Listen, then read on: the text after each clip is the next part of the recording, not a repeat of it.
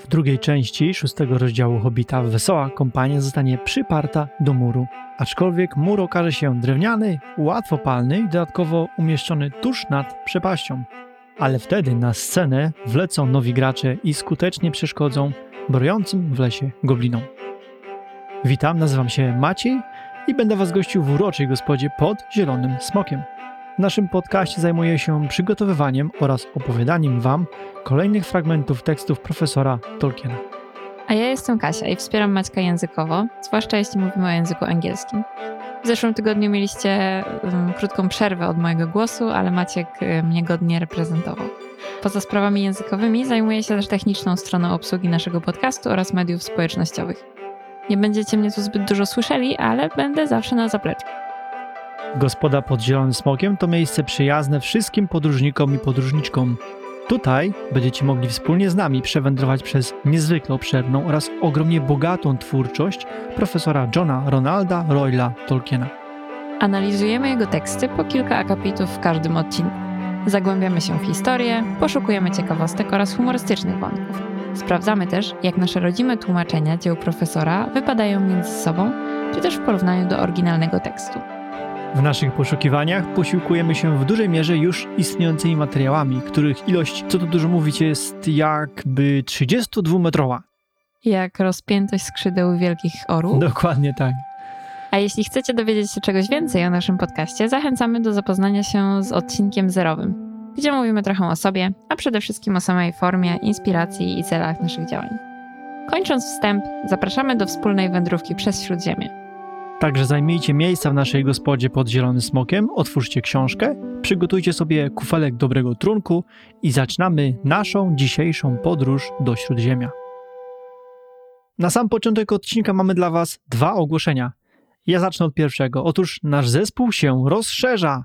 Naszym nowym reżyserem dźwięku i osobą edytującą podcast został Nikodem Prokopiuk. W następnym odcinku nasz nowy pracownik gospody osobiście Wam się przedstawi, niemniej teraz powiem Wam kilka słów wstępu. Otóż znamy się jakieś 20 lat i zaczynaliśmy kiedyś dawno temu od grania w jednej kapeli. Takie bardzo radosne czasy. Niemniej e, po rozpadzie tamtych e, klimatów chemia między nami pozostała i mimo rozjazdu na różne krańce świata kontakt regularnie utrzymujemy. Nikodem jest gitarzystą oraz początkującym lutnikiem aktualnie, to jest jego główna pasja, choć wcześniej grał w takich kapelach jak Murinus, Druids czy Fear of Blood. Jest też dźwiękowcem, ukończył Akademię Realizacji Dźwięku w Gdyni. Oprócz tego to także fotograf, streamer i współwychowawca sympatycznego psa Fenka. I choć jak sam przyznaje, z Władcą Pierścieni łączy go bardziej film i gry, to jest on fanem fantastyki, więc co tu dużo mówić, to jest po prostu nasz człowiek. Oczywiście w przypisach zostawimy Wam linki do konta Nikodema, tam możecie bezpośrednio zobaczyć co i jak. Okej, okay, to teraz moja kolej, ja też mam coś do ogłoszenia.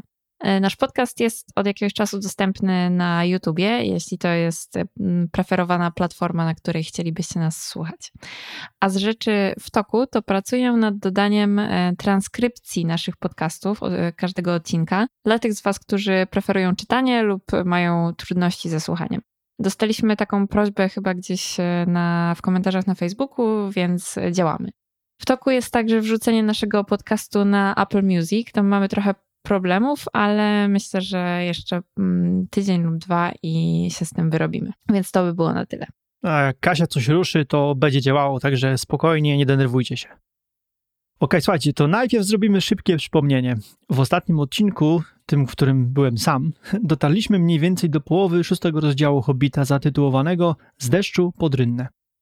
Kompania wisi na drzewach niczym bombki choinkowe, a pod spodem szaleją rozpalone wilki, rozpalone dosłownie. A w zasadzie wargowie i Gandalf bombarduje ich płonącymi szyszkami w różnych barwach. I tutaj to super, to co macie powiedział, super gra z oryginalną nazwą tego rozdziału, czyli Out of the Frying Pan into the Fire. Po polsku mamy z deszczu pod rynnę, czyli nie mamy tego ognia. Ogień jest gubiony w tłumaczeniu, um, ale myślę, że to warto zauważyć. Tak, ten ogień właśnie jest tutaj kluczowy. Jest nie tylko przenośnią y, w rozdziale, w tytule rozdziału, tylko także jest on bezpośrednio częścią wydarzeń. Ok, słuchajcie, podejmujemy tekst dokładnie tam, gdzie skończyliśmy poprzednio, a dodam jeszcze tylko, że ten rozdział analizujemy na podstawie przekładu Andrzeja Polkowskiego. No to uwaga. Cóż to za harmider wybuchł w lesie tej nocy? Zapytał władca orów. siedział na czubku skalnej turni na wschodnim krańcu gór. W blasku księżyca wyglądał jak czarny posąg. Słyszę wilcze głosy. Czy to gobliny znowu broją wśród drzew? Wzbił się w powietrze i natychmiast ze skał poderwały się dwa orły z jego straży przybocznej, by mu towarzyszyć. Trzy orły zatoczyły koło nad puszczą, wpatrując się w polane zgromadzeń. Z tej wysokości krąg wilków wydawał się zaledwie punkcikiem wśród ciemnych drzew, ale orły mają tak bystry wzrok, że potrafią dostrzec najmniejsze przedmioty z bardzo daleka. Władca orłów z gór mglistych miał oczy, którymi mógł bez zmrużenia powiek patrzeć prosto w słońce, a królika wypatrywał z odległości mili nawet w świetle księżyca. Choć nie widział krasnoludów ukrytych na drzewach, dostrzegł zamieszanie wśród wilków i maleńkie rozbłyski ognia. Usłyszał dobiegające z dołu stłumione wycie i skowyty. Zobaczył też połyskujące w księżycowej poświacie włócznie i hełmy goblinów, których długie rzędy wypełzały z bramy, zbiegały po zboczu i znikały w puszczy. Orły nie mają łagodnego usposobienia, a niektóre bywają tchórzliwe i okrutne. Lecz to stare orle plemię, zamieszkujące od wieków północne góry, królowało wśród wszystkich ptaków, oznaczając się dumą, siłą i szlachetnością. Należące do niego orły nie darzyły sympatią goblinów, ale też się ich nie lękały. Jeśli już zwróciły na nie uwagę, co rzadko się zdarzało, bo takich stworów nie jadały, spadały na nie z wysoka i zaganiały z powrotem do podziemi, udaremniając im w ten sposób dokonanie jakiejś kolejnej niegodziwości. Gobliny nienawidziły i bały się orłów, ale nie mogły dosięgnąć ich gniazd na wyniosłych turniach ani przepędzić ich z gór. Czy to gobliny broją wśród drzew? Fajne, prawda? Tak, brzmi ciekawie. A w oryginale mamy tutaj Are the goblins at mischief in the woods? A, a czemu pytasz? No, może już na początku rozwiążemy kwestię tytułu odcinka. Któż to broi wśród drzew? Co, co o tym myślisz? Brzmi fajnie, ale ja bym chyba zmieniła e, drzewa na las. E, Któż, któż to broi w lasach? No i mamy to. Okej, brzmi zarówno śmiesznie, jak i niezwykle dostojnie. Tak, tak mi się wydaje. No i dziecinnie, więc pasuje nam do Hobbita, bo bronić na ogół potrafią dzieci albo, nie wiem, szczeniaczki czy małe kotki. Dokładnie, a tu wredna, nienawistna i niebezpieczna rasa goblinów wyszła sobie pobroić. Będą obracać świeże sadzonki do góry nogami albo inne takie podłe rzeczy. Dobra, słuchajcie, zajmijmy się rzeczami poważnymi. Słuchajcie, pierwsze, o czym chciałem, o czym chciałem wam powiedzieć, mamy do czynienia z sytuacją, gdzie narrator przenosi nas z dala od kompanii Bilba. Jeszcze w tej książce nie miała miejsca taka sytuacja, a jesteśmy około setnej strony, jednej trzeciej, ponad jednej trzeciej mm, książki Hobbita. Niemniej na pewno nie jest to ostatni taki przypadek, choć nadal będą one niezwykle rzadkie. W tym wypadku oczywiście zostaliśmy przeniesieni na półkę z orłami, byliśmy świadkami ich rozmowy i, startu do lotu. No i oczywiście pojawiają nam się kolejni gracze na szachownicy, tym razem latający. Orły. Szlachetne plemię, starożytne plemię, bardzo starożytne. Przyjrzyjmy się wpierw tekstowi książki, a później zrobimy wstawkę o tym plemieniu. Od razu zauważamy jakąś formę systemu społecznego wśród tych ptaków. Wraz z władcą zbijają się powietrze dwaj przyboczni. Zataczają kręgi wokół płonącej polanki i mimo ogromnej wysokości, na jakiej się znajdują, dostrzegają wiele konkretnych szczegółów. Mają one bardzo dobry wzrok. Ale naszych bohaterów schowanych wśród gałęzi jeszcze nie widzą, zauważają natomiast maszerujące w stronę polanki gobliny. W kolejnym akapicie dowiadujemy się też od razu, że są to niebezpieczne istoty, aczkolwiek szczególną awersją darzyły goblinów. I jak tylko im się chciało, udaremniali wszelkie niegodziwe działania. Ale też Tolkien mówi, że ich nie jedli. No nie dziwię się, ja nie wiem, czy ktokolwiek z rozsądnie myślących istot chciałby jeść goblinów. Są mało zachęcający do, do schrupania. Oczywiście ta nienawiść była obopólna, jednak gobliny jakby nie miały żadnej, żadnej możliwości, żeby orły przepędzić czy, czy atakować. Były po prostu za daleko poza ich zasięgiem. Dobra, to co? Robimy teraz zgodnie z zapowiedzią wstawkę o orłach. Oczywiście o tych wielkich orłach, czyli Great Eagles. Plemię to wywodzi się z orłów Manwego, które to odegrały ogromną rolę w pierwszej erze świata, jako emisariusze, strażnicy czy nawet wojownicy podczas 600 lat walki z Morgotem. W pierwszych wersjach legendarium Tolkien chciał, aby tego typu stworzenia jak orły czy huan, czyli to, to jest taki inny mityczny i ponadprzeciętny zwierz, a dokładnie pies, yy, więc Tolkien chciał, żeby oni byli majarami, czyli pomniejszymi duchami spoza te- tego świata, spoza ziemi, spoza Arktyki. Yy, I posłuchajcie tutaj fragmentu dziesiątego tomu History of Middle Earth, czyli Morgoth's Ring. Spirits in the shape of hawks and eagles flew ever to and from his halls, and their eyes could see to the depths of the seas and pierce the hidden caverns beneath the world. I duchy, domyślnie Majarowie, pojawiły się na Ziemi w postaci orłów i sokołów. Tak jest. Natomiast później Tolkien zaniechał tej koncepcji i zmienił ją w tą, którą znamy jako, jako tą kanoniczną. I tutaj posłuchajcie fragmentu rozmowy Manwego z Jawanną w rozdziale drugim Silmarillionu pod tytułem Aule i Jawanna. Przypomnij sobie, Kementari, twoja myśl przecież nie zawsze śpiewała samotnie. Czy nie pamiętasz? Spotkała się kiedyś z moją i razem wzbiły się wysoko, jak na skrzydłach wielkich ptaków, które szybują ponad obłokami. Te myśli za sprawą Iluwatara także staną się rzeczywistością, a zanim jego dzieci zbudzą się do życia, zjawią się szybkie jak wiatr orły władców zachodu.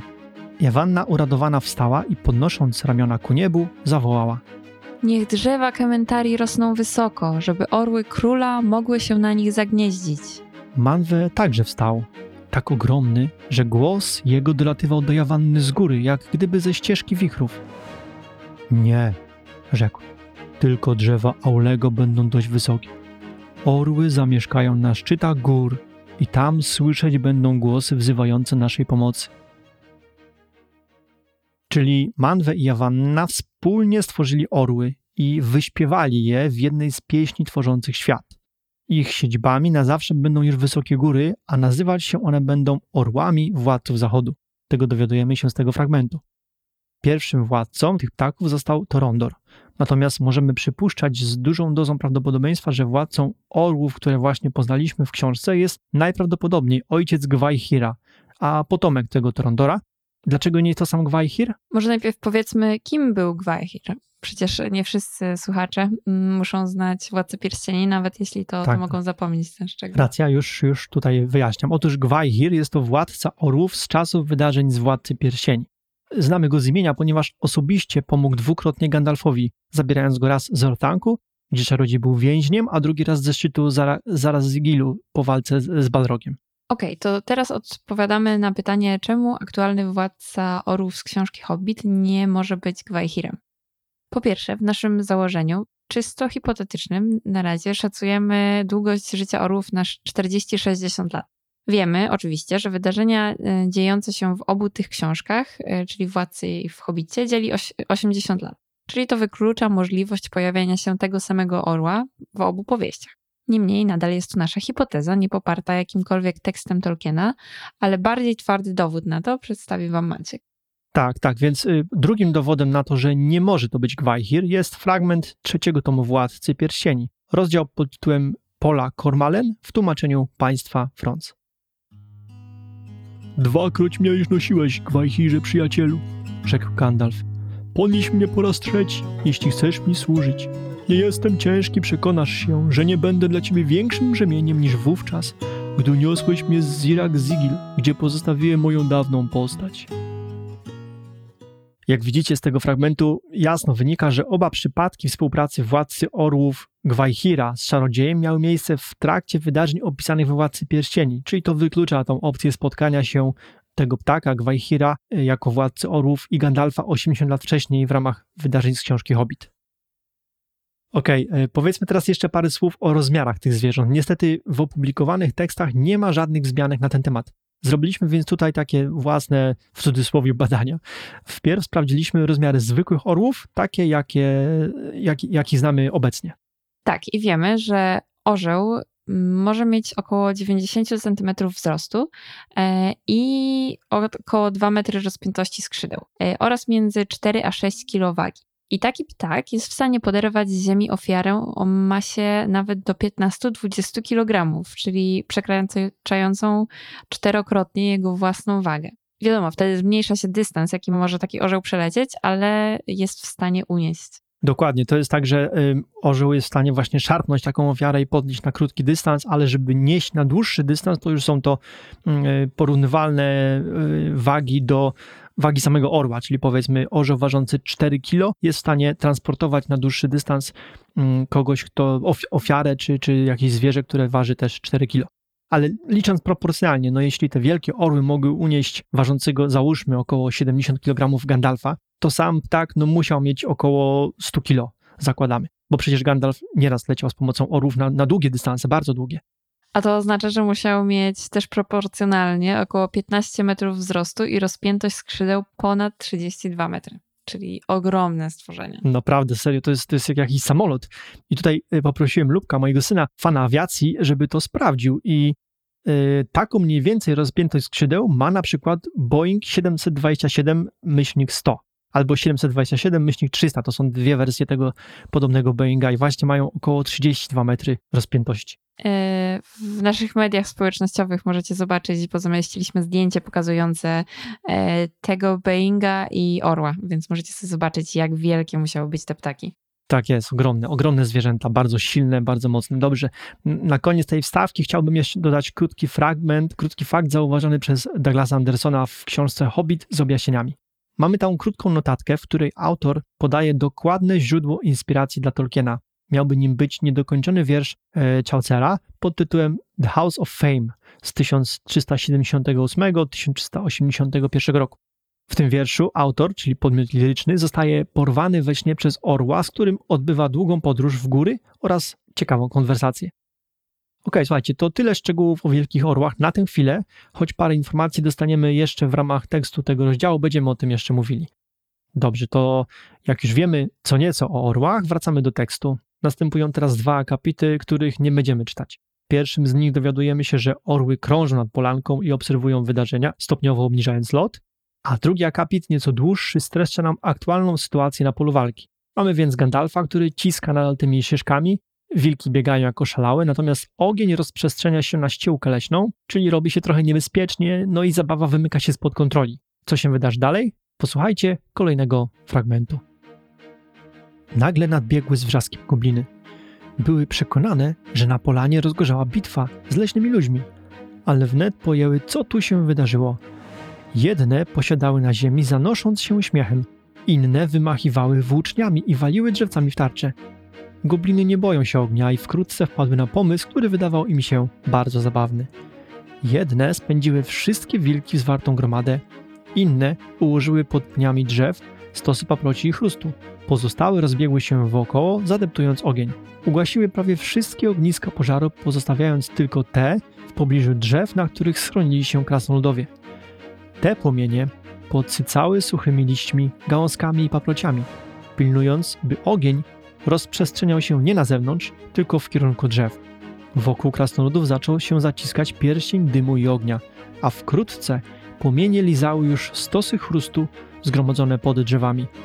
Dym gryzł Bilba w oczy, żarł, nękał coraz dotkliwiej. Poprzez duszące opary widział gobliny tańczące w wielkim kręgu, tak jak tańczy się wokół sobótkowego ogniska.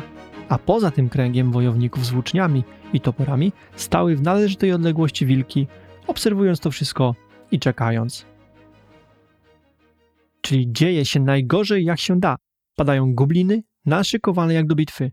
Słyszały hałasy i paniczne wycie i podejrzewały, że na polance już się toczy walka.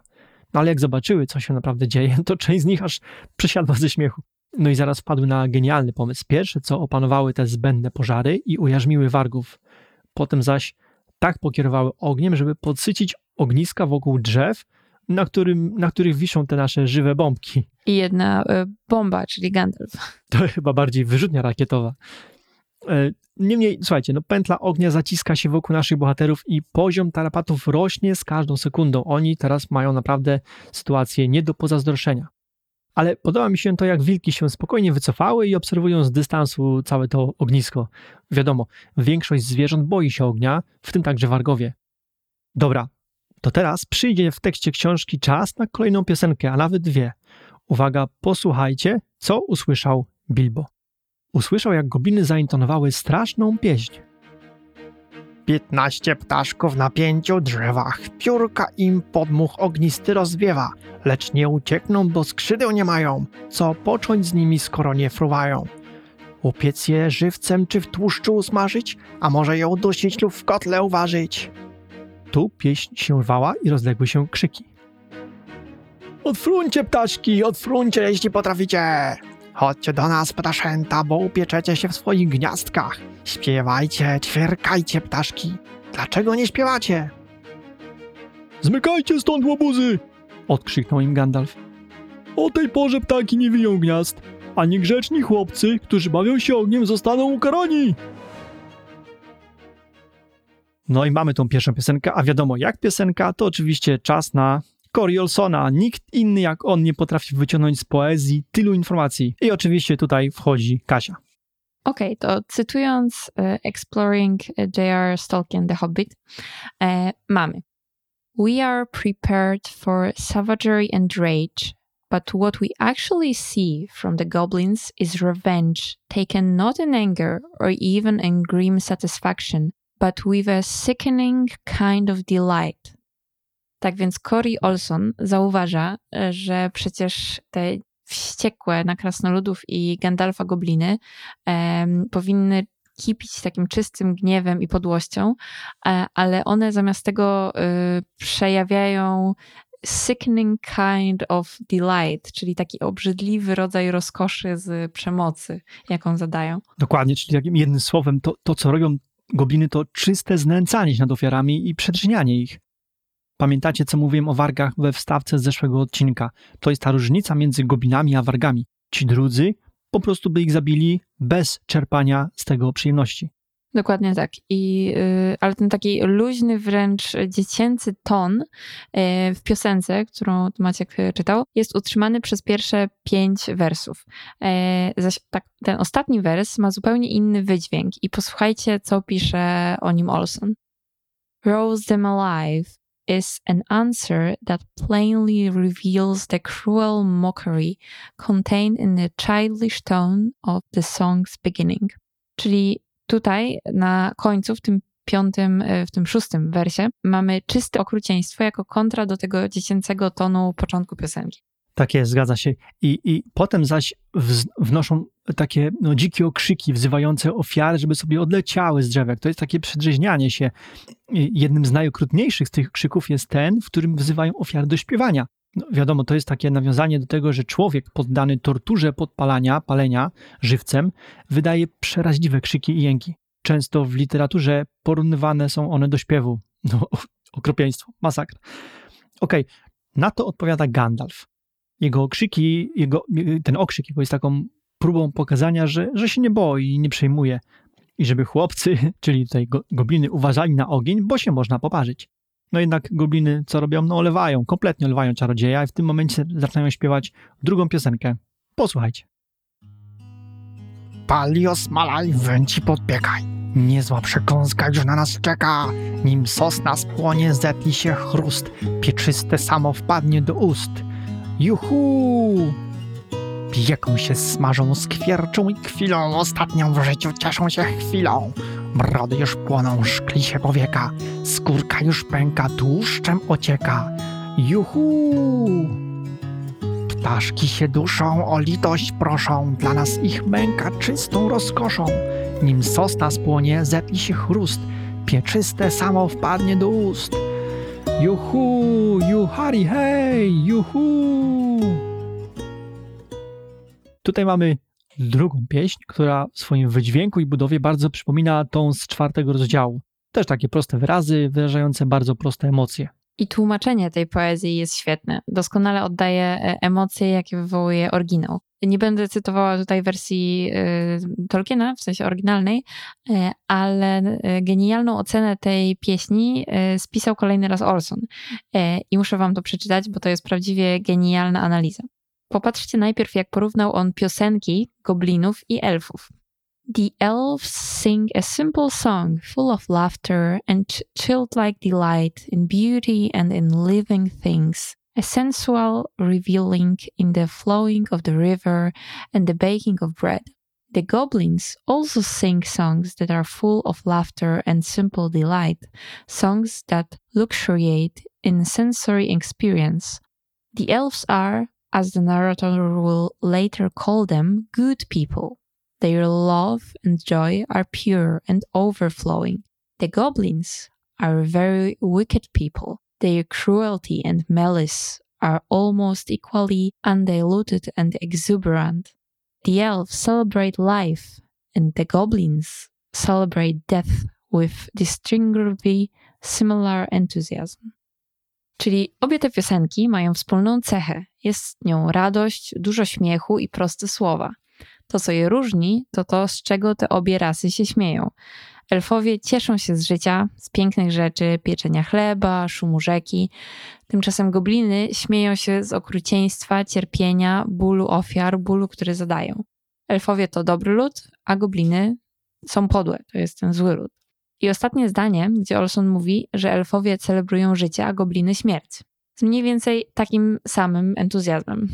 To jest kwintesencja totalnej przeciwstawności obu tych plemion. No i tutaj pamiętajcie, że gobliny i orki to to samo. To są dwa słowa określające tą samą rasę. I e, nie tylko w Hobbicie, bo później przez całego władcę widzimy to okrucieństwo orków. Mam takie wrażenie.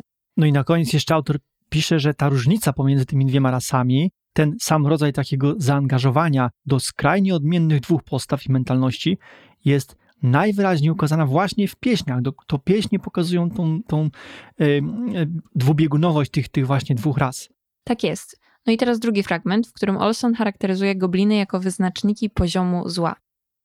There are many strange and terrifying creatures that Bilbo will meet on his journey, but none can beat the goblins in moral depravity. Bilbo will encounter creatures more deadly but none will take as much simple pleasure in the pain and suffering of others as the goblins do. Among all Tolkien's monsters, the goblins are the measuring stick to which the evil of all evil creatures will be compared. Czyli przetłumaczę, będzie wiele dziwnych i przerażających istot, które Bilbo spotka na swojej drodze, ale żadne nie pobiją goblinów w poziomie moralnego znieprawienia. Bilbo stanie w szranki z kreaturami bardziej śmiercionośnymi, ale żadne z nich nie czują takiej prostej przyjemności z bólu i śmierci innych jak gobliny. Pośród wszystkich potworów Tolkiena, gobliny są i będą wyznacznikiem poziomu zła, do których inne będą porównywane. Tak więc chyba nie muszę dodawać, bo Olson genialnie to opisał i, i sprawa jest jasna. Ja myślę, że, że możemy jeszcze powiedzieć jedno. To, o czym dyskutowaliśmy w odcinku 10. Pamiętasz podczas wstawki o pochodzeniu goblinów i orków? Mówiliśmy, że kanoniczną wersją jest ta o znieprawionych przez Morgota elfach. W tym momencie, po tej analizie Olsona, no muszę przyznać, że blisko mi do pogodzenia się z tą wersją, że właśnie gobliny czy orkowie bo jest to nazwa zamienna, tak jak Kasia mówiła, są idealnym, skrajnym przeciwieństwem elfów, ale reagują na pewne sprawy z podobnym zaangażowaniem i entuzjazmem. To jakby jest, mogłoby być dowodem na to, że to jest jakby pochodzenie tych dwóch ras wywodzi się z jednego, z jednego początku. No tak, ja od początku się skłaniam ku tej, ku tej oryginalnej wersji, czy też kanonicznej. Um, ale tak, ten, ten śmiech i radość z jednej strony pozytywne, z drugiej negatywne, też perfekcyjnie oddają ten e, najbardziej nikczemny czyn Morgota, czy czarnego władcy. Um, no i obie te rasy w całej tej odmienności, jaka je dzieli, są do siebie dziwnie podobne, zwłaszcza w takich, takich spontanicznych działaniach. Tak jest, całkowita racja, całkowita racja i słuchajcie, co to jest za moment? No fantastycznie tutaj jest to ukazane. Y, piosenka, która wydawać by się mogła taka prosta i no, prozaiczna, oni sobie śpiewają o tym, co się dzieje, ale zobaczcie, faktyczny poziom okrucieństwa jest no, wręcz niesamowity. Zobaczcie, jak tutaj padają słowa. Pieką się, smażą, skwierczą i kwilą. Ostatnią w życiu cieszą się chwilą. No to jest, to jest czyste okrucieństwo. I popatrz dalej. Gobliny w tą radość z cierpienia angażują inne zmysły. Brody już płoną, szkli się powieka, skórka już pęka, tłuszczem ocieka. Zapachy, skwierczenie. Serio straszna tarasa. No i, i jeszcze to zdanie. Dla nas ich męka czystą rozkoszą. No to jest masakra totalna. O, dobra, Kasia. Może dla odpoczynku od tego bestialstwa zrobimy teraz króciutką przerwę dla naszych słuchaczy, a potem wrócimy z przytupem. Okej, okay, to tak zróbmy. Puszczaj muzyczkę. Serdecznie witamy tych i te z Was, którzy odwiedzają naszą gospodę po raz pierwszy. I przypominamy, Gospoda pod Zielonym Smokiem to nie tylko podcast. Można nas znaleźć na Instagramie pod.zielonym.smokiem, na Facebooku podcast pod Zielonym Smokiem. Czekamy też na Wasze maile na gospoda małpa pod zielonym smokiem pisane razem.com. I jeżeli podoba Wam się to, co tutaj robimy, zachęcamy do wystawiania nam opinii i zostawiania komentarzy. Oraz oczywiście do zasubskrybowania kanału.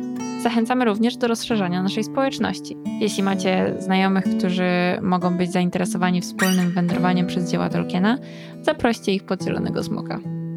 Nasza strona internetowa pod zielonymsmokiem.com zawiera linki do wszystkich odcinków wraz z przypisami, a także przebogaty Tolkienozbiór, czyli bibliotekę książek obu Tolkienów, J.R.R. i Christophera, no i oczywiście książek o Tolkienie. Zapraszamy też do dyskusji na wszelkie Tolkienowe tematy. Jesteśmy otwarci na Wasze sugestie, podpowiedzi i komentarze, e, które pomogą się nam rozwinąć i dotrzeć do nowych słuchaczy i słuchaczek. Dobra, wracamy do tekstu w momencie, kiedy Gandalf będzie chciał zrobić coś epickiego. Posłuchajcie. I nim przebrzmiało ostatnie juhu, płomienie liznęły pień drzewa, na którym siedział Gandalf, a po chwili dotarły do pozostałych. Zajęła się kora, potem zatrzeszczały w ogniu niższe gałęzie. Czarodziej wspiął się na sam czubek sosny. Z jego różdżki wystrzeliła biała błyskawica.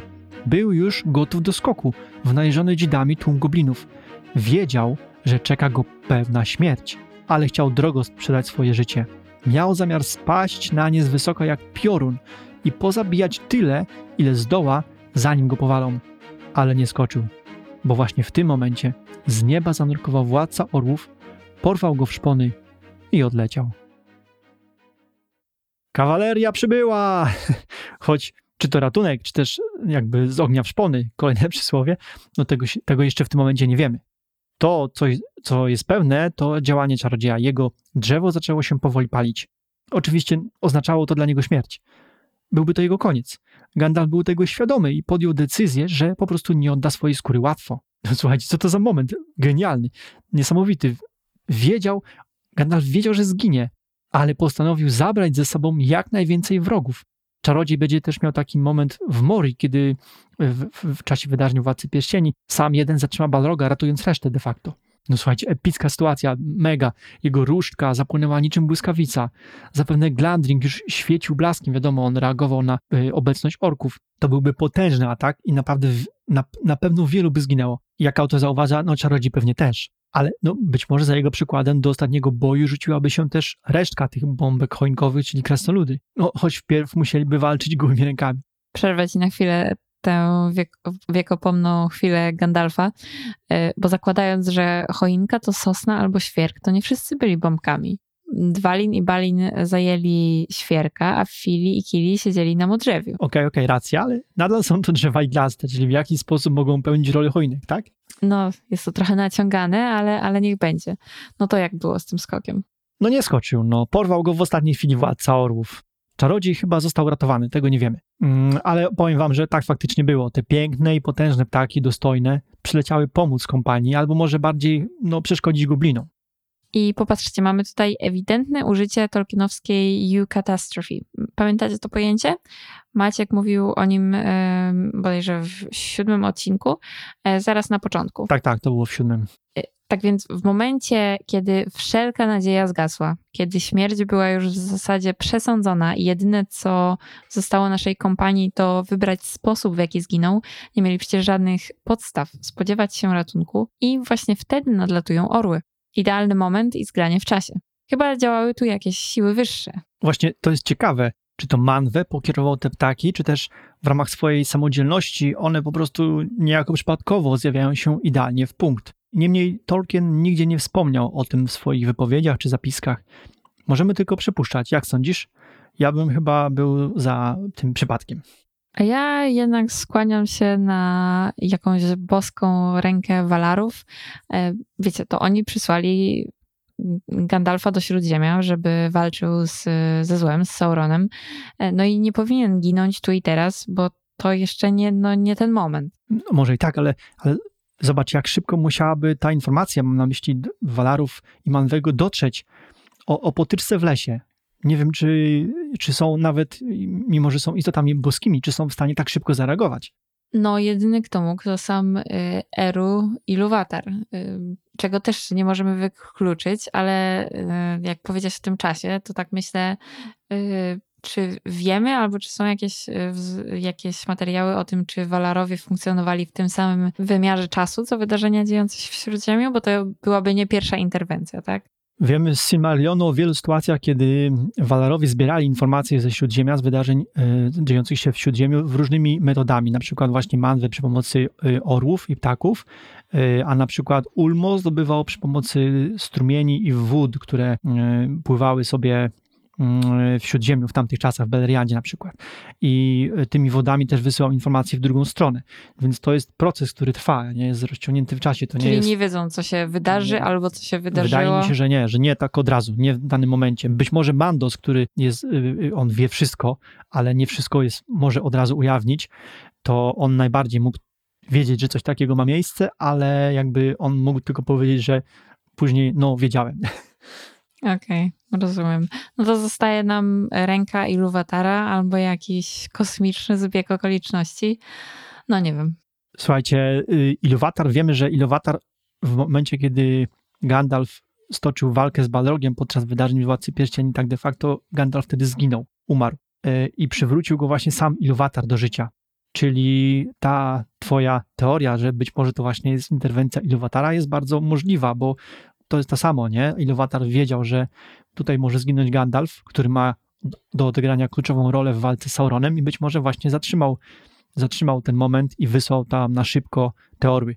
Chociaż z drugiej strony, zobaczcie, or, już leciały, one już były w powietrzu.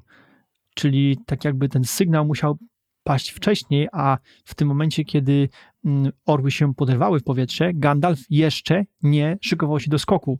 Czyli tak de facto nie było jeszcze podstaw, żeby Iluvatar interweniował. Także to jest no takie kontrowersyjnie ciekawe. Dobrze, słuchajcie, pozostawimy tę sprawę otwartą, a, a być może któryś ze słuchaczy wystąpi z jakąś własną wersją albo wypowie się ten temat, także Dokładnie. Zapraszamy do komentowania. okej. Słuchajcie, jest jeszcze jedna kwestia, którą musimy rozważyć. Pamiętasz, Kasia, w 14 odcinku podcastu rozmawialiśmy o nadziei i zapowiedziałaś ten właśnie moment, Gandalfa teraz, jako przykład sytuacji, w której ściera się wewnętrzny konflikt nadziei i rozpaczy w decyzjach jakiegoś bohatera. Dokładnie, bo Gandalf zasadniczo podjął już decyzję o skoku, najprawdopodobniej samobójczym, e, na wiwatujące gobliny. Ale czy to oznacza, że utracił nadzieję? Moim zdaniem nie. Popatrzcie, gdyby nie skoczył, skazałby sam siebie na powolną śmierć w męczarniach, w płomieniach i to by oznaczało właśnie utratę nadziei, czyli rezygnację z dalszej walki jakiegokolwiek i podjęcie jakiegokolwiek działania. No jest w tym dużo racji, to ciekawy punkt widzenia, ale też może ta decyzja to była na zasadzie takiej, że wiecie, skoro wiem, że i tak zginę, to po prostu zabiorę za sobą jak najwięcej wrogów. Czyli on de facto wybrał tylko rodzaj śmierci, ale, ale nadziei już nie miał na ratunek. Nie, nie uważam tak. Wydaje mi się, że on skacząc właśnie miał nadzieję, że, że coś się wydarzy, że los się odwróci. E, nie wiem, może liczył na to, że wrogowie się rozpierzchną e, i będzie miał szansę uciec, albo że w ślad za nim skoczą inni, w sensie reszta kompanii dołączą do walki i jakimś cudem zbiorą się do kupy i obronią przed tymi potworami. No tylko, że oni nie mieli broni, czyli miał tylko Thorin, no i Gandalf y, i, i Bilbo, ten swój mały mieczyk, także musieliby sobie wpierw zdobyć jakiekolwiek tam narzędzia. Także myślę, że od razu kilku z krasnoludów, być może także Bilbo, zginęliby w tym pierwszym momencie. No ale weź też pod uwagę, że y, tak długo jak znajdowaliby się w pobliżu ognia, wrogowie y, byliby wyłączeni z walki. E, A gobliny, nawet jeśli się ognia nie boją, to nadal są dla nich śmiertelnie niebezpieczny. Nie dałoby się naszych otoczyć, jeśli tym ogniem umiejętnie by zagrali. Tak, tylko że nadal przewaga liczebna goblinów jest ogromna. No myślę, że co najmniej, nie wiem, 10 do 1. No, tak czy siak, możemy sobie tylko pogdybać, jakby to się potoczyło. Nie zmienia to faktu, że, że moim zdaniem Gandalf podjął decyzję o skoku, bo nadal tą nadzieję miał. Pozostaje, y, pozostanie na płonącej gałęzi oznaczałoby jej, jej utratę.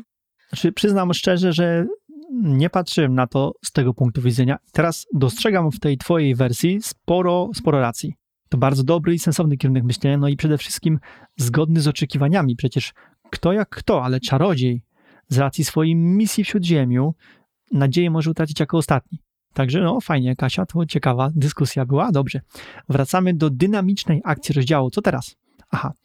opuścimy fragment, w którym orły nie tylko podejmują wszystkich krasnoludów, ale i przeganiają gobliny. Na polance nastroje zmieniają się jak w kalejdoskopie. Tymczasem co słychać u naszego głównego bohatera? Posłuchajcie. Niewiele brakowało, a biednego małego hobita znowu by przeoczono. W ostatniej chwili udało mu się złapać za nogi Doriego, porwanego na samym końcu. Śmignęli razem w górę, ponad zgiełk, zamęt i płomienie. Bilbo, uwieszony nóg krasnoluda, czuł, że za chwilę ramiona wyskoczą mu ze stawów. W dole gobliny i wilki rozbiegły się po lesie. Kilka orłów wciąż krążyło nad polem bitwy. Płomienie ogarnęły już w najwyższe gałęzie drzew i po chwili wystrzeliły ponad ich korony. Iskry i kłęby dymu buchnęły pod niebo. Bilbo został ocalony naprawdę w ostatniej chwili. Wkrótce łuna pożaru przybladła, aż stała się małą, migocącą czerwienią kropką na czarnym tle. Byli już wysoko i wciąż się wznosili, zataczając wielkie kręgi. Bilbo, uwieszony kostek u nóg Doriego, nigdy nie zapomniał tego lotu. Co jakiś czas jęczał. Moje ręce, moje ręce. Na co Dory stękał. Moje nogi, moje biedne nogi. Bilbo zawsze źle znosił wysokość. Robiło mu się słabo, kiedy spojrzał poza krawędź nawet dość niskiego urwiska. Unikał szczytów drabin, nie mówiąc już o drzewach. Do tej pory nigdy nie musiał uciekać przed wilkami. Możecie sobie więc wyobrazić, jak mu się zakręciło w głowie, kiedy zerknął w dół pomiędzy swymi dyndającymi w powietrzu stopami i zobaczył pod sobą pogrążoną w mroku ziemię z plamami księżycowego blasku na skalnych zboczach i srebrzystymi pasemkami strumieni. Słuchajcie, prawie go przeoczyli. No, przed chwilą Tolkien sam mówił, że te orły potrafią z, z mili dostrzec królika biegnącego e, w świetle księżyca. A tu wychodzi znowu jakaś amatorszczyzna. No słuchajcie, nie, do, nie, dostrzegli, nie dostrzegli Hobbita. Na szczęście pod ręką znowu był Dori. Stały punkt e, zaczepienia dla Bilba, tym razem dosłownie. Hobbit w ostatniej chwili chwyta go za kostki i tylko dzięki temu odlatują z drzewa na czas. Autor mówi przecież, że chwilę później ich, drzewa, ich drzewo zajęło się gwałtownie ogniem. Obaj panowie na głos artykułują swoje problemy. Jeden, jeden ma problem z nogami, drugi zaś z rękami. Ale jakby jest to punkt styczny między nimi. Dobrze, popatrzcie. To nie jest taki siup-hop, jak dołożyć do tego lęk wysokości, który miał Bilbo, plus pozycja, w jakiej się znalazł. Wiecie, no wiedział, że jak puścić, to koniec. A patrzenie w dół raczej go osłabiało. Więc naprawdę ciężko w takiej sytuacji wytrzymać. Słuchajcie, na szczęście lot kończy się dokładnie w momencie, kiedy Hobbit doszedł do kresu swojej wytrzymałości. Posłuchajcie. Na szczęście lot zakończył się w samą porę, gdy ręce już odmawiały mu posłuszeństwa. Puścił ze stęknięciem stopy Doriego i upadł na szorstką wyściółkę orlego gniazda. Leżał tam bez słowa, czując mieszaninę zdumienia, że udało mu się uniknąć spalenia żywcem i strachu, że za chwilę zsunie się w ciemną czeluść ziejącą ze wszystkich stron. W głowie miał okropny zamęt po strasznych przygodach ostatnich trzech dni i to o pustym brzuchu.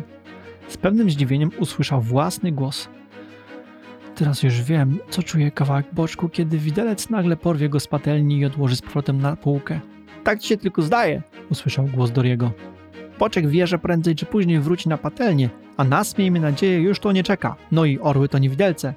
Och nie, E, rad jestem, że to nie, nie padalce. E, chcia, chciałem powiedzieć, cieszę się, że, wie, że wielce, że, że nie widelce, wyjąkał Bilbo, siadając i zerkając na orła, który przysiadł tuż obok. Zastanawiał się, co też za bzdury przed chwilą wygadywał i czy orzeł nie poczuł się urażony. Lepiej nie narażać się orłowi, kiedy jest się małym hobbitem i nocuje w jego gnieździe. No, nastyk. Trzeba przyznać, że sił starczyło dokładnie tyle, ile było potrzeba, aby no de facto przeżyć. No, chociaż, nie wiem, być może jakby zaczął spadać, któryś orzeł by to zauważył i, i zgarnął go w locie jakoś. Całkiem możliwe, niemniej udało mu się dolecieć samodzielnie, no może z lekką pomocą Doriego oczywiście. Teraz zaś leży plaskiem w zupełnie powietrznym gnieździe i boi się poruszyć. W końcu zaś zaczyna mówić do siebie, ale dialog podejmuje Dori. Tu jednak rozmowa trochę wymyka się spod kontroli i muszą się szybko, muszą oni ją szybko przerwać, żeby nie urazić orła. Kasia, a jak to brzmiało w oryginale? W zasadzie początek dialogu jest taki sam, a różnica i taka gra słów jest y, tylko w ostatnim zdaniu Bilba. Mamy tutaj oh no, not a bit like storks, forks, I mean Czyli Bilbo się przejęzycza i mówi storks y, i forks. Storks to oczywiście bociany, a forks to widelce, e, więc y, być może coś, co mogło obrazić gospodarza tego gniazda. Nie wiem, na ile orły reagują negatywnie na nazwanie ich bocianami. No ale chwilę po, później Hobbit zastanawia się, czy właśnie nie palną jakiegoś głupstwa, skądinąd oni nadal nie wiedzą, czy że, że, po pierwsze, że orły znają wspólną mowę, czyli potrafią zrozumieć słowa, które padają, a po drugie nadal nie wiedzą, czy są uratowani, czy są tylko y, z deszczu pod rynnę, z płonącej patelni w ogień i tysiące innych różnych wersji tego samego powiedzenia. Zgadza się, ale na wszelki wypadek milknął e, i w następnym fragmencie, którego czytać nie będziemy, orzeł ich e, po prostu olewa, ignoruje. E, ostrzy sobie dziób na kamieniu, poprawia pióra i wrócimy do tekstu kawałek dalej i tutaj mamy dla was dłuższy fragment. Wkrótce przyleciał drugi orzeł. Władca pragnie, byś przeniósł jeńców na wielką połknę. Krzyknął i już go nie było. Pierwszy orzeł chwycił Doriego w szpony i odleciał w ciemność, pozostawiając Bilba samego w gnieździe. Starczyło mu jeszcze sił, by zadać sobie pytanie, dlaczego posłaniec władcy nazwał ich jeńcami i zaczął się zastanawiać, czy nie zostanie rozerwany na strzępy i pożarty na kolacji jak królik, gdy nadejdzie jego kolej. Orzeł powrócił, wbił szpony w kołnierz jego płaszcza i wyfrunął z gniazda. Tym razem lot nie był długi. Wkrótce Bilbo leżał już dygocząc ze strachu na dość szerokiej półce skalnej na zboczu góry. Nie wiodła do niej żadna ścieżka. Żeby się na nią dostać, trzeba było mieć skrzydła, aby z niej uciec, trzeba było skoczyć przepaść. Został tam już wszystkich swoich towarzyszy siedzących z plecami opartymi o skałę. Był tam również wódz orłów, który rozmawiał z Gandalfem. Bilbo odzyskał nadzieję, że jednak nie zostanie pożarty. Czarodziej i orzeł gawędzili tak, jakby się znali, a nawet darzyli sympatią. I rzeczywiście, Gandalf, który często tu bywał, przysłużył się kiedyś orłom, bo wyleczył ich władcę, gdy go raniła strzała. Tak więc określenie jeńcy miało oznaczać ocaleni jeńcy orków, a nie jeńcy orłów. A kiedy Bilbo przysłuchał się rozmowie, zrozumiał, że wreszcie naprawdę wydostaną się z tych przeklętych gór. Czarodziej przedstawiał właśnie władcy orłów swój plan.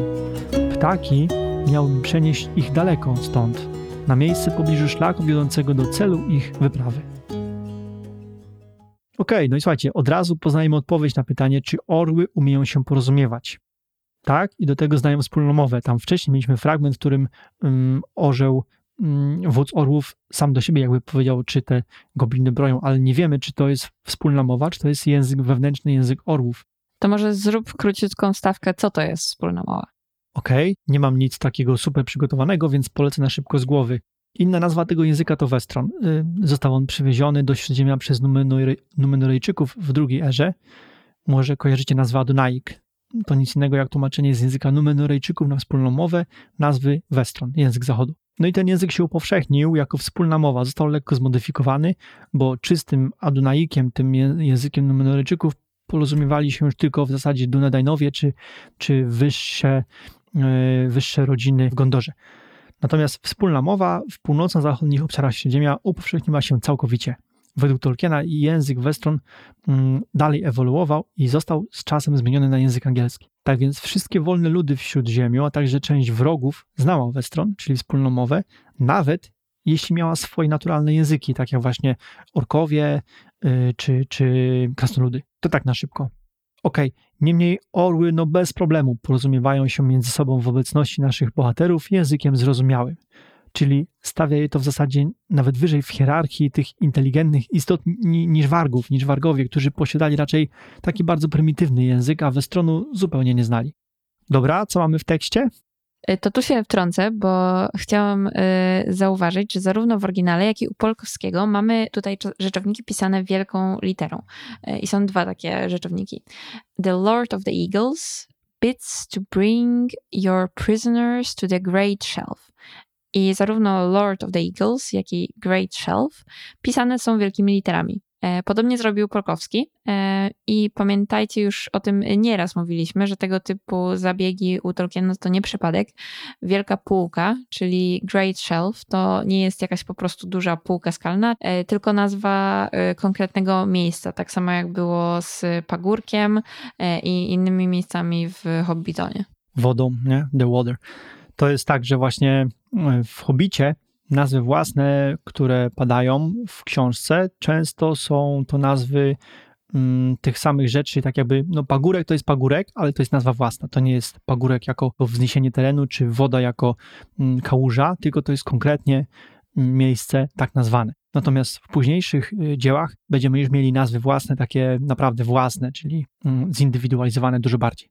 Dobrze, no i wiadomo, że y, to trzeba, trzeba tego pilnować u Tolkiena, bo no, łatwo przeoczyć znaczenie takich miejsc. Okej, co dalej? Chwilę później Bilbo zostaje sam w gnieździe, bo orzeł wpierw zabiera Doriego, no i zaczyna się zastanawiać, czemu są nazywani jeńcami i czy w związku z tym nie zostaną pożarci jak króliki.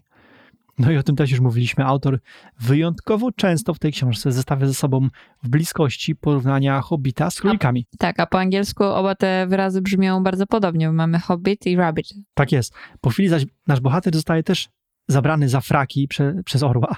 Zostaje przetransportowany na tą wielką półkę, gdzie faktycznie już wszyscy są. Gandalf rozmawia z władcą orłów i z podsłuchania tego dialogu Bilbo dowiaduje się, że ostatecznie zostanie ocalony z przygody z goblinami, a słowo jeńcy, użyte wcześniej przez Orlego posłańca, oznaczało uratowanych jeńców goblinów, a nie aktualnych więźniów tych tutaj ptaków. Hobbit słyszy też, że czarodziej próbuje ustalić, dokąd orły mogą ich przenieść. Z ust Gandalfa pada propozycja przeniesienia kompanii daleko na docelowy szlak w stronę samotnej góry. Co na to władca orłów? Posłuchajcie. Władca orłów nie godził się jednak polecieć w pobliżu ludzkich siedzib.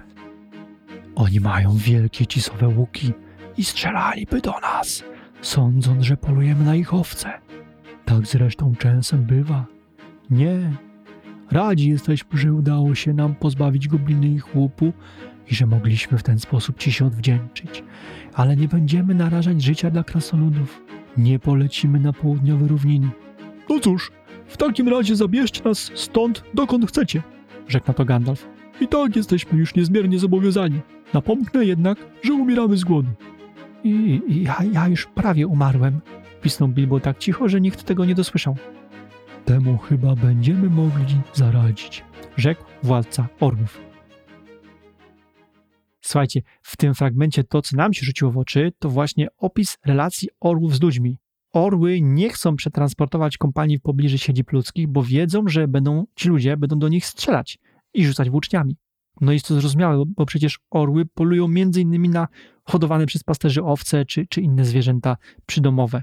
To pokazuje, jak bardzo oddalone od siebie są e, rasy ludzi i co by nie było dzikich zwierząt.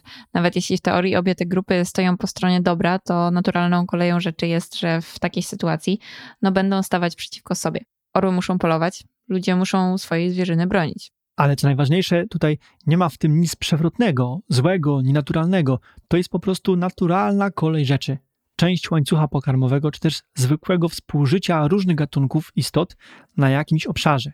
I y, to właśnie przede wszystkim różni zarówno orły, jak i wilki czy wargów od goblinów, którzy z zabijania ofiar czerpią przyjemność. Najprawdopodobniej nawet jeśli zabijają siebie nawzajem. Były takie miejsca, takie, takie miejsce, takie zdarzenia w następnych książkach profesora. Dobrze, dowiadujemy się jeszcze, że Gandalf kiedyś pomógł przywrócić do zdrowia władcę orłów po tym, jak ten został trafiony strzałą. No i teraz de facto orły się rewanżują za tamtą pomoc. Można by powiedzieć, że karma powraca. Jak ktoś daje dobro od siebie, to jest bardzo duża szansa, że to dobro powróci, albo biznesowo mówiąc, się zwróci. A niczym inwestycja. Tak, właśnie, czarodziej zainwestował w dobro, no i się opłacało. Ale popatrz jeszcze na to zdanie. Nie, nie będziemy się narażać dla krasnoludów. W oryginale We are glad to cheat the, go the goblins of their sport and glad to repay our thanks to you, but we will not risk ourselves for dwarves in the southward plains. Czyli orły wyraźnie sugerują, że dla kogo jak dla kogo, ale dla nich nie zaryzykują takiego dalekiego lotu, dla nich, dla krasnoludów. Czyli być może gdyby był to sam Gandalf z Bilbem, to by ich zebrali od razu pod samotną górę. Ciekawe jednak, czemu te krasnoludy są takie nielubiane. Bo tak jakby robią wszystko, co się da, żeby ich nie No, lubić. racja, racja. Są krnąbrne, uparte, szorstkie w obyciu, no generalnie trudne charaktery. Zgadza się, ale jednocześnie potrafią być wiernymi przyjaciółmi, potrafią też hojnie obdarzyć kogoś, kto im pomaga. No jest to taka ciekawostka, powszechna e, niechęć. Może też przez to, że e, oni tak mocno się izolują, bo są tacy hermetyczni, ich język, kultura jest e, mocno ukryta przed obcymi i to sprawia takie wrażenie odpychania, a na pewno nie zaprasza do kontaktu. Bo wiecie, jak ktoś zamyka się przed, przed tobą, no to automatycznie sami też od takiej osoby odsuwamy się mentalnie. Coś w tym jest. No, bardzo specyficzna rasa, ale dzięki temu też jest taka, taka prawdziwa. A co mi jeszcze przyszło na myśl, wielu krytyków Tolkiena zarzuca mu stworzenie idealnie spolaryzowanego świata, takiego, że gdzie dobro jest zawsze dobre, a zło jest zawsze złe. Tak mówią krytycy, ale. Wiemy jednak, że tego typu krytycy poznali, albo y, tak zakładamy, że tego typu krytycy poznali dzieła profesora bardzo powierzchownie i e, niezbyt dokładnie, bo przecież nawet w tej zdawałoby się prostej i łatwej książeczce dla dzieci, którą właśnie analizujemy, mamy do czynienia z rozmyciem zła i dobre. Źli wargowie są tak naprawdę w cudzysłowie tylko zwierzętami, które próbują upolować coś do jedzenia. Zresztą podobnie jak znów w cudzysłowie dobre orły. A przecież ludzie też polują i zabijają zabijają, żeby, żeby coś zjeść. No i nie mówiąc już o innych przykładach, zobacz, na, na wskroś dobry Bilbo oszukuje w grze na zagadki, bo tak to trzeba nazwać. Dodatkowo kłamie w kwestii pierścienia. Przykładów jest wiele. Tak jest. Także jeśli żyliście albo macie takie przeświadczenie y, gdzieś tam y, przeczytane albo zasłyszane od y, tych krytyków, że Tolkien, zawsze, że Tolkien to zawsze dobro kontra zło, to jest wiele przykładów obalających taki punkt widzenia. Znaczy, trzeba powiedzieć otwarcie, że taka, taki rodzaj krytyki jest trochę mało kompetentny, ponieważ ludzie, którzy tak y, oceniają Tolkiena, znają go na tyle mało, że nie powinni w ogóle się wypowiadać. Ale okej. Okay. Usłyszycie u nas wiele dowodów na wzajemne przenikanie się tych skrajnych postaw u bohaterów powieści Tolkiena. Oczywiście nie musicie czekać, aż usłyszycie je u nas. Możecie je sami wyczytać bezpośrednio w książkach profesora. Ale czasem samo czytanie nie wystarczy. Na pewne rzeczy trzeba umieć lub chcieć otworzyć oczy i nam też pomagają inni badacze w tym wszystkim. Yy, tak, jednak chociażby otwierają oczy, oczy takie prace jak yy, książka Olsona. Yy, zobaczcie, jego analiza piosenki Goblinów z tego odcinka w porównaniu jeszcze do tej piosenki Elfów, no jak dla mnie mistrzostwo. Nie, Olson jest genialny. Także ja bym chyba wielu rzeczy nie dostrzegł, gdyby nie, gdyby nie czytał jego książki konkretnie. Dobra, Kasia, urwamy tę dygresję i wracamy do tekstu. Spróbujemy nadal zmieścić się w 60 minutach. Ale jest jeszcze jedna kwestia, którą chciałam podnieść. Y, w tekście, bo w tekście Władca Orów y, mówi, że radzi jesteśmy, że udało się nam pozbawić gobliny ich łupu. I w oryginale, to już raz czytałam, ale powtórzę. We are glad to cheat the goblins of their sport. Czyli cieszymy się, że odebraliśmy goblinom e, ich rozrywkę. E, I tutaj, jak myślisz, czy władca orłów miał tu na myśli tylko uratowanie jeńców, czyli, czyli tej naszej kompanii, czy też ta cała nocna potyczka na polance udaremniła też planowany przez wargów i goblinów atak na ludzi? No, no, na tym do tej pory nie myślałem, ale jak tak patrzeć na ilość zamieszania, jaka powstała w wyniku pojawienia się kompanii, plus atak orłów, bo przecież wcześniej było napisane, że tylko część ptaków zajęła się transportem wiszących krasnoludów, a pozostali przeganiali gobliny. Reasumując, wydaje mi się, że tej nocy ludzie w dolince byli już bezpieczni. Być może nawet też no, sama ilość hałasu, światła, tego wszystkiego zamieszania rozbudziła straże wśród tych wiosek, tych osad ludzkich, no i byli oni po prostu już w gotowości bojowej.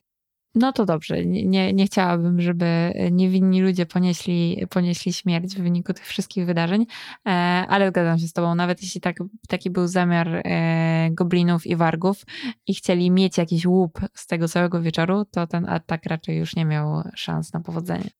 Dobra, okej, okay, to może skończmy analizę tego krótkiego fragmentu, bo nas tu trochę różne wątki poniosły na, na boki. Na sam koniec mamy krótki dialog na temat poziomu głodu w kompanii. Orły obiecują pomóc w tej kwestii i przeczytam wam teraz ostatni fragment tego rozdziału, no i oczywiście automatycznie też i dzisiejszego odcinka. Wkrótce na skalnej półce zapłonęło ognisko, wokół którego krzątali się krasnoludowie, szykując pieczyste. Orły naznosiły im suchego chrustu, a potem przyniosły kilka dzikich królików, parę zajęcy i owieczkę. Wszystkim zajęli się krasnoludowie. Bilbo był zbyt słaby, by im pomóc. Zresztą i tak nie miał pojęcia o odzieraniu królików ze skóry, patroszeniu ich i krajaniu mięsa, bo zwykle kupował je w gotowych porcjach u rzeźnika. Gandalf też się położył, kiedy tylko rozpalił ognisko, bo Oin i Gloin zgubili swoje krzesiwa i chłopki. Krasnoludowie nigdy nie przekonali się do zapałek. Tak się zakończyły ich przygody w górach mglistych. Wkrótce Bilbo znowu poczuł błogą sytość w brzuchu i sen zaczął go morzyć, choć, prawdę mówiąc, wolałby bochenek chleba i osełkę masła od kawałków mięsa upiecionych na patyku. Zasnął zwinięty w kłębek na twardej skale, a chrapał tak zdrowo i głęboko, jak jeszcze nigdy nie spał na puchowym materacu w swojej przytulnej norze. Ale śnił o niej przez całą noc. Wędrował we śnie po wszystkich pokojach, szukając czegoś, czego nie mógł znaleźć, ba, nawet nie mogąc sobie przypomnieć, jak to wygląda.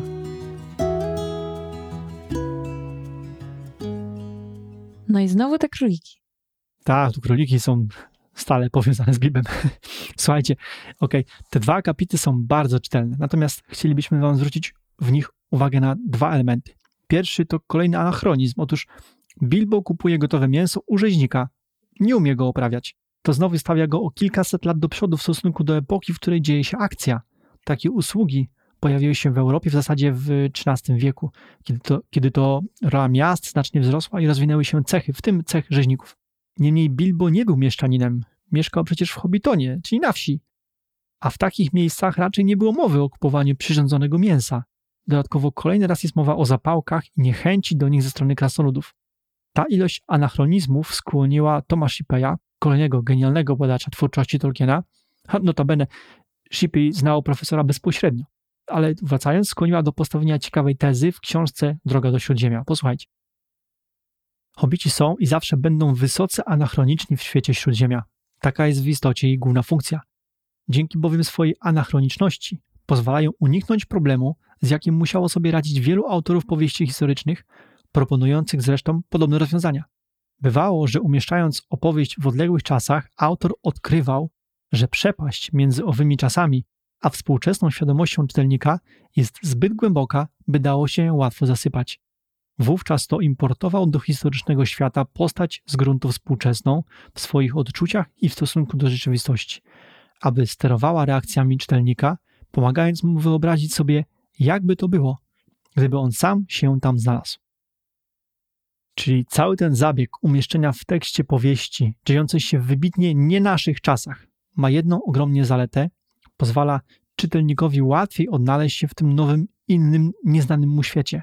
Przecież wiadomo, my, współcześni czytelnicy, nie znamy za bardzo obyczajów, morali, życia codziennego i podstawowych nawet relacji międzyludzkich, na przykład, nie wiem, z czasów średniowiecza, czy nie daj Boże jeszcze starożytności. To znaczy, znamy, ale tylko z książek takich badawczo-historycznych, a to nie to samo, co poczuć te wszystkie kwestie na własnej skórze. Tak, dokładnie. A, a umieszczenie w powieści anachronicznego bohatera, czyli bohatera zbliżanego, zbliżanego, zbliżonego do nas i naszych współczesnych poglądów, ułatwia identyfikowanie się z całą historią, poczucia się y, częścią fabuły.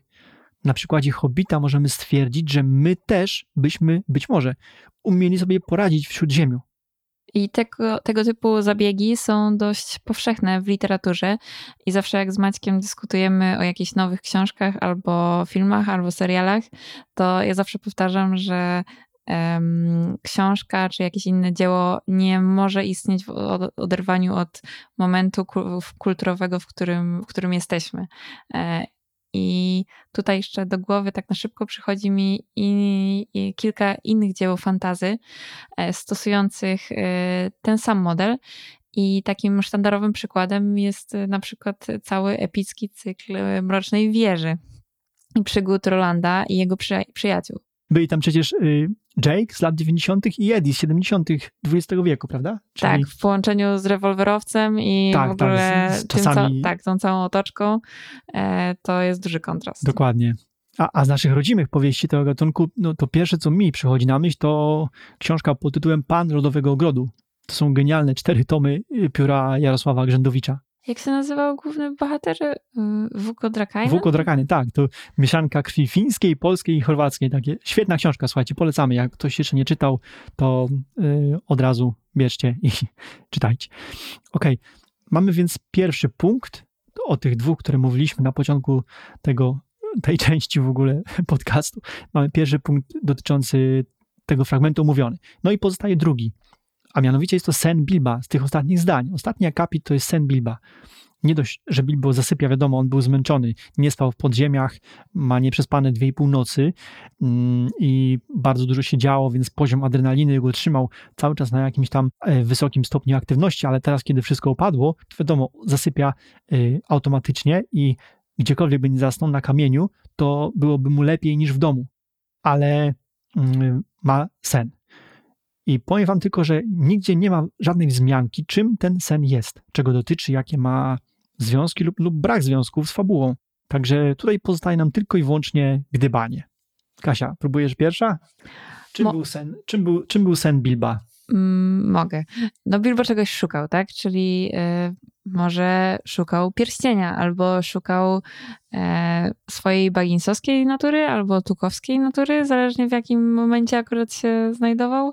Do tego pierścienia to gdyby ten sen został na niego zesłany przez, mm, załóżmy, nie wiem, Saurona albo sam pierścień, nie? To czemu miałby służyć ten, ten sen? Wzbudzenie jakiegoś niepokoju wobec czego? Nie miałby jakiegoś konkretnej wpływu na, na Bilba w tym momencie. Może po prostu był zaniepokojony, chciał się upewnić, że ten pierścień jest, no bo wiemy, że e, pierścień coraz bardziej go e, przez czas trwania tej przygody i później też we Władcy e, coraz bardziej przejmował nad nim kontrolę. Nie wiem.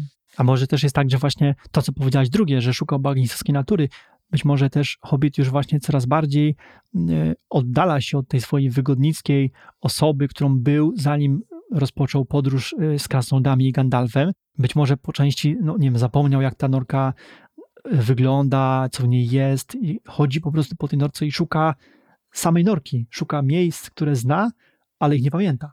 Być może. Może to jest taki dowód na zmiany, jakie y, zachodzą w Hobbicie. To dojrzewanie, nie? Tak. Stopniowe. e, może też to odcięcie od wygodnickiego życia.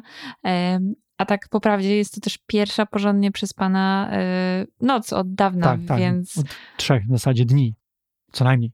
Tak, więc może po prostu e, wszystkie te emocje, które, e, które przeżył przez e, ostatnie parę dni, powoli dochodzą do niego i może nie poznaje siebie po całej Tylko- tej przygodzie. Tylko tak na ogół, nie wiem, mam takie wrażenie po sobie, że jak jestem mega zmęczony, takie kumulacja zmęczenia z kilku dni, to jak przyjdzie taki moment, że mogę spać spokojnie i długo, to na ogół jest to spokojny sen, a nie taki właśnie y, sen pełny niepokoju.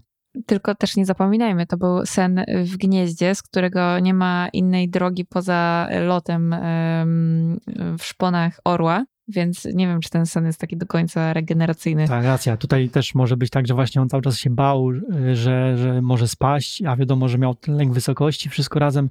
No słuchajcie, to może być kumulacja wszystkiego, o czym powiedzieliśmy i być może też są inne powody takiego, a, in, a nie innego y, niepokojącego snu. Niemniej nie wiemy. To są tylko nasze przypuszczenia, nasze gdybanie tutaj. Jeżeli macie jakieś swoje pomysły, też czekamy na wasze, na wasze informacje, informacje od was w mediach społecznościowych, a no słuchajcie, tyle mamy dla was na temat szóstego rozdziału. Zróbmy krótkie podsumowanie. Przede wszystkim w wielkim rollercoasterze wydarzeń, kolejny raz, y, kompania w całości wydostaje się ostatecznie z tych gór mglistych. Mamy też tutaj pierwsze efekty działania pierścienia na nowego właściciela, ale jednocześnie Bilbo jest zmuszony bardzo szybko dojrzewać i ewoluować.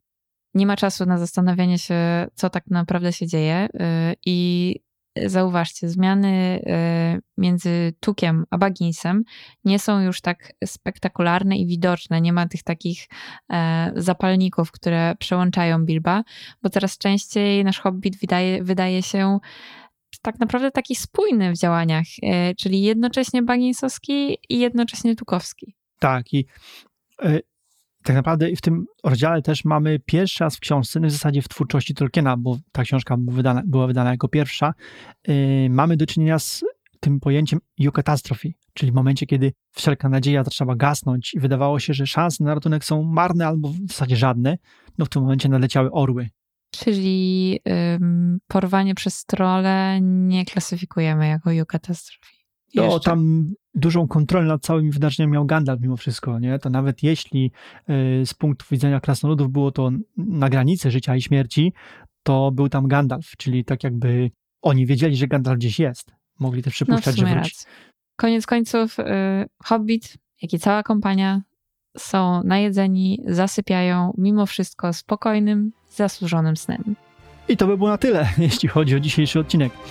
Dziękuję bardzo za Wasz czas spędzony pod Zielonym Smokiem. Pamiętajcie, czekamy na Wasze maile i pytania w mediach społecznościowych.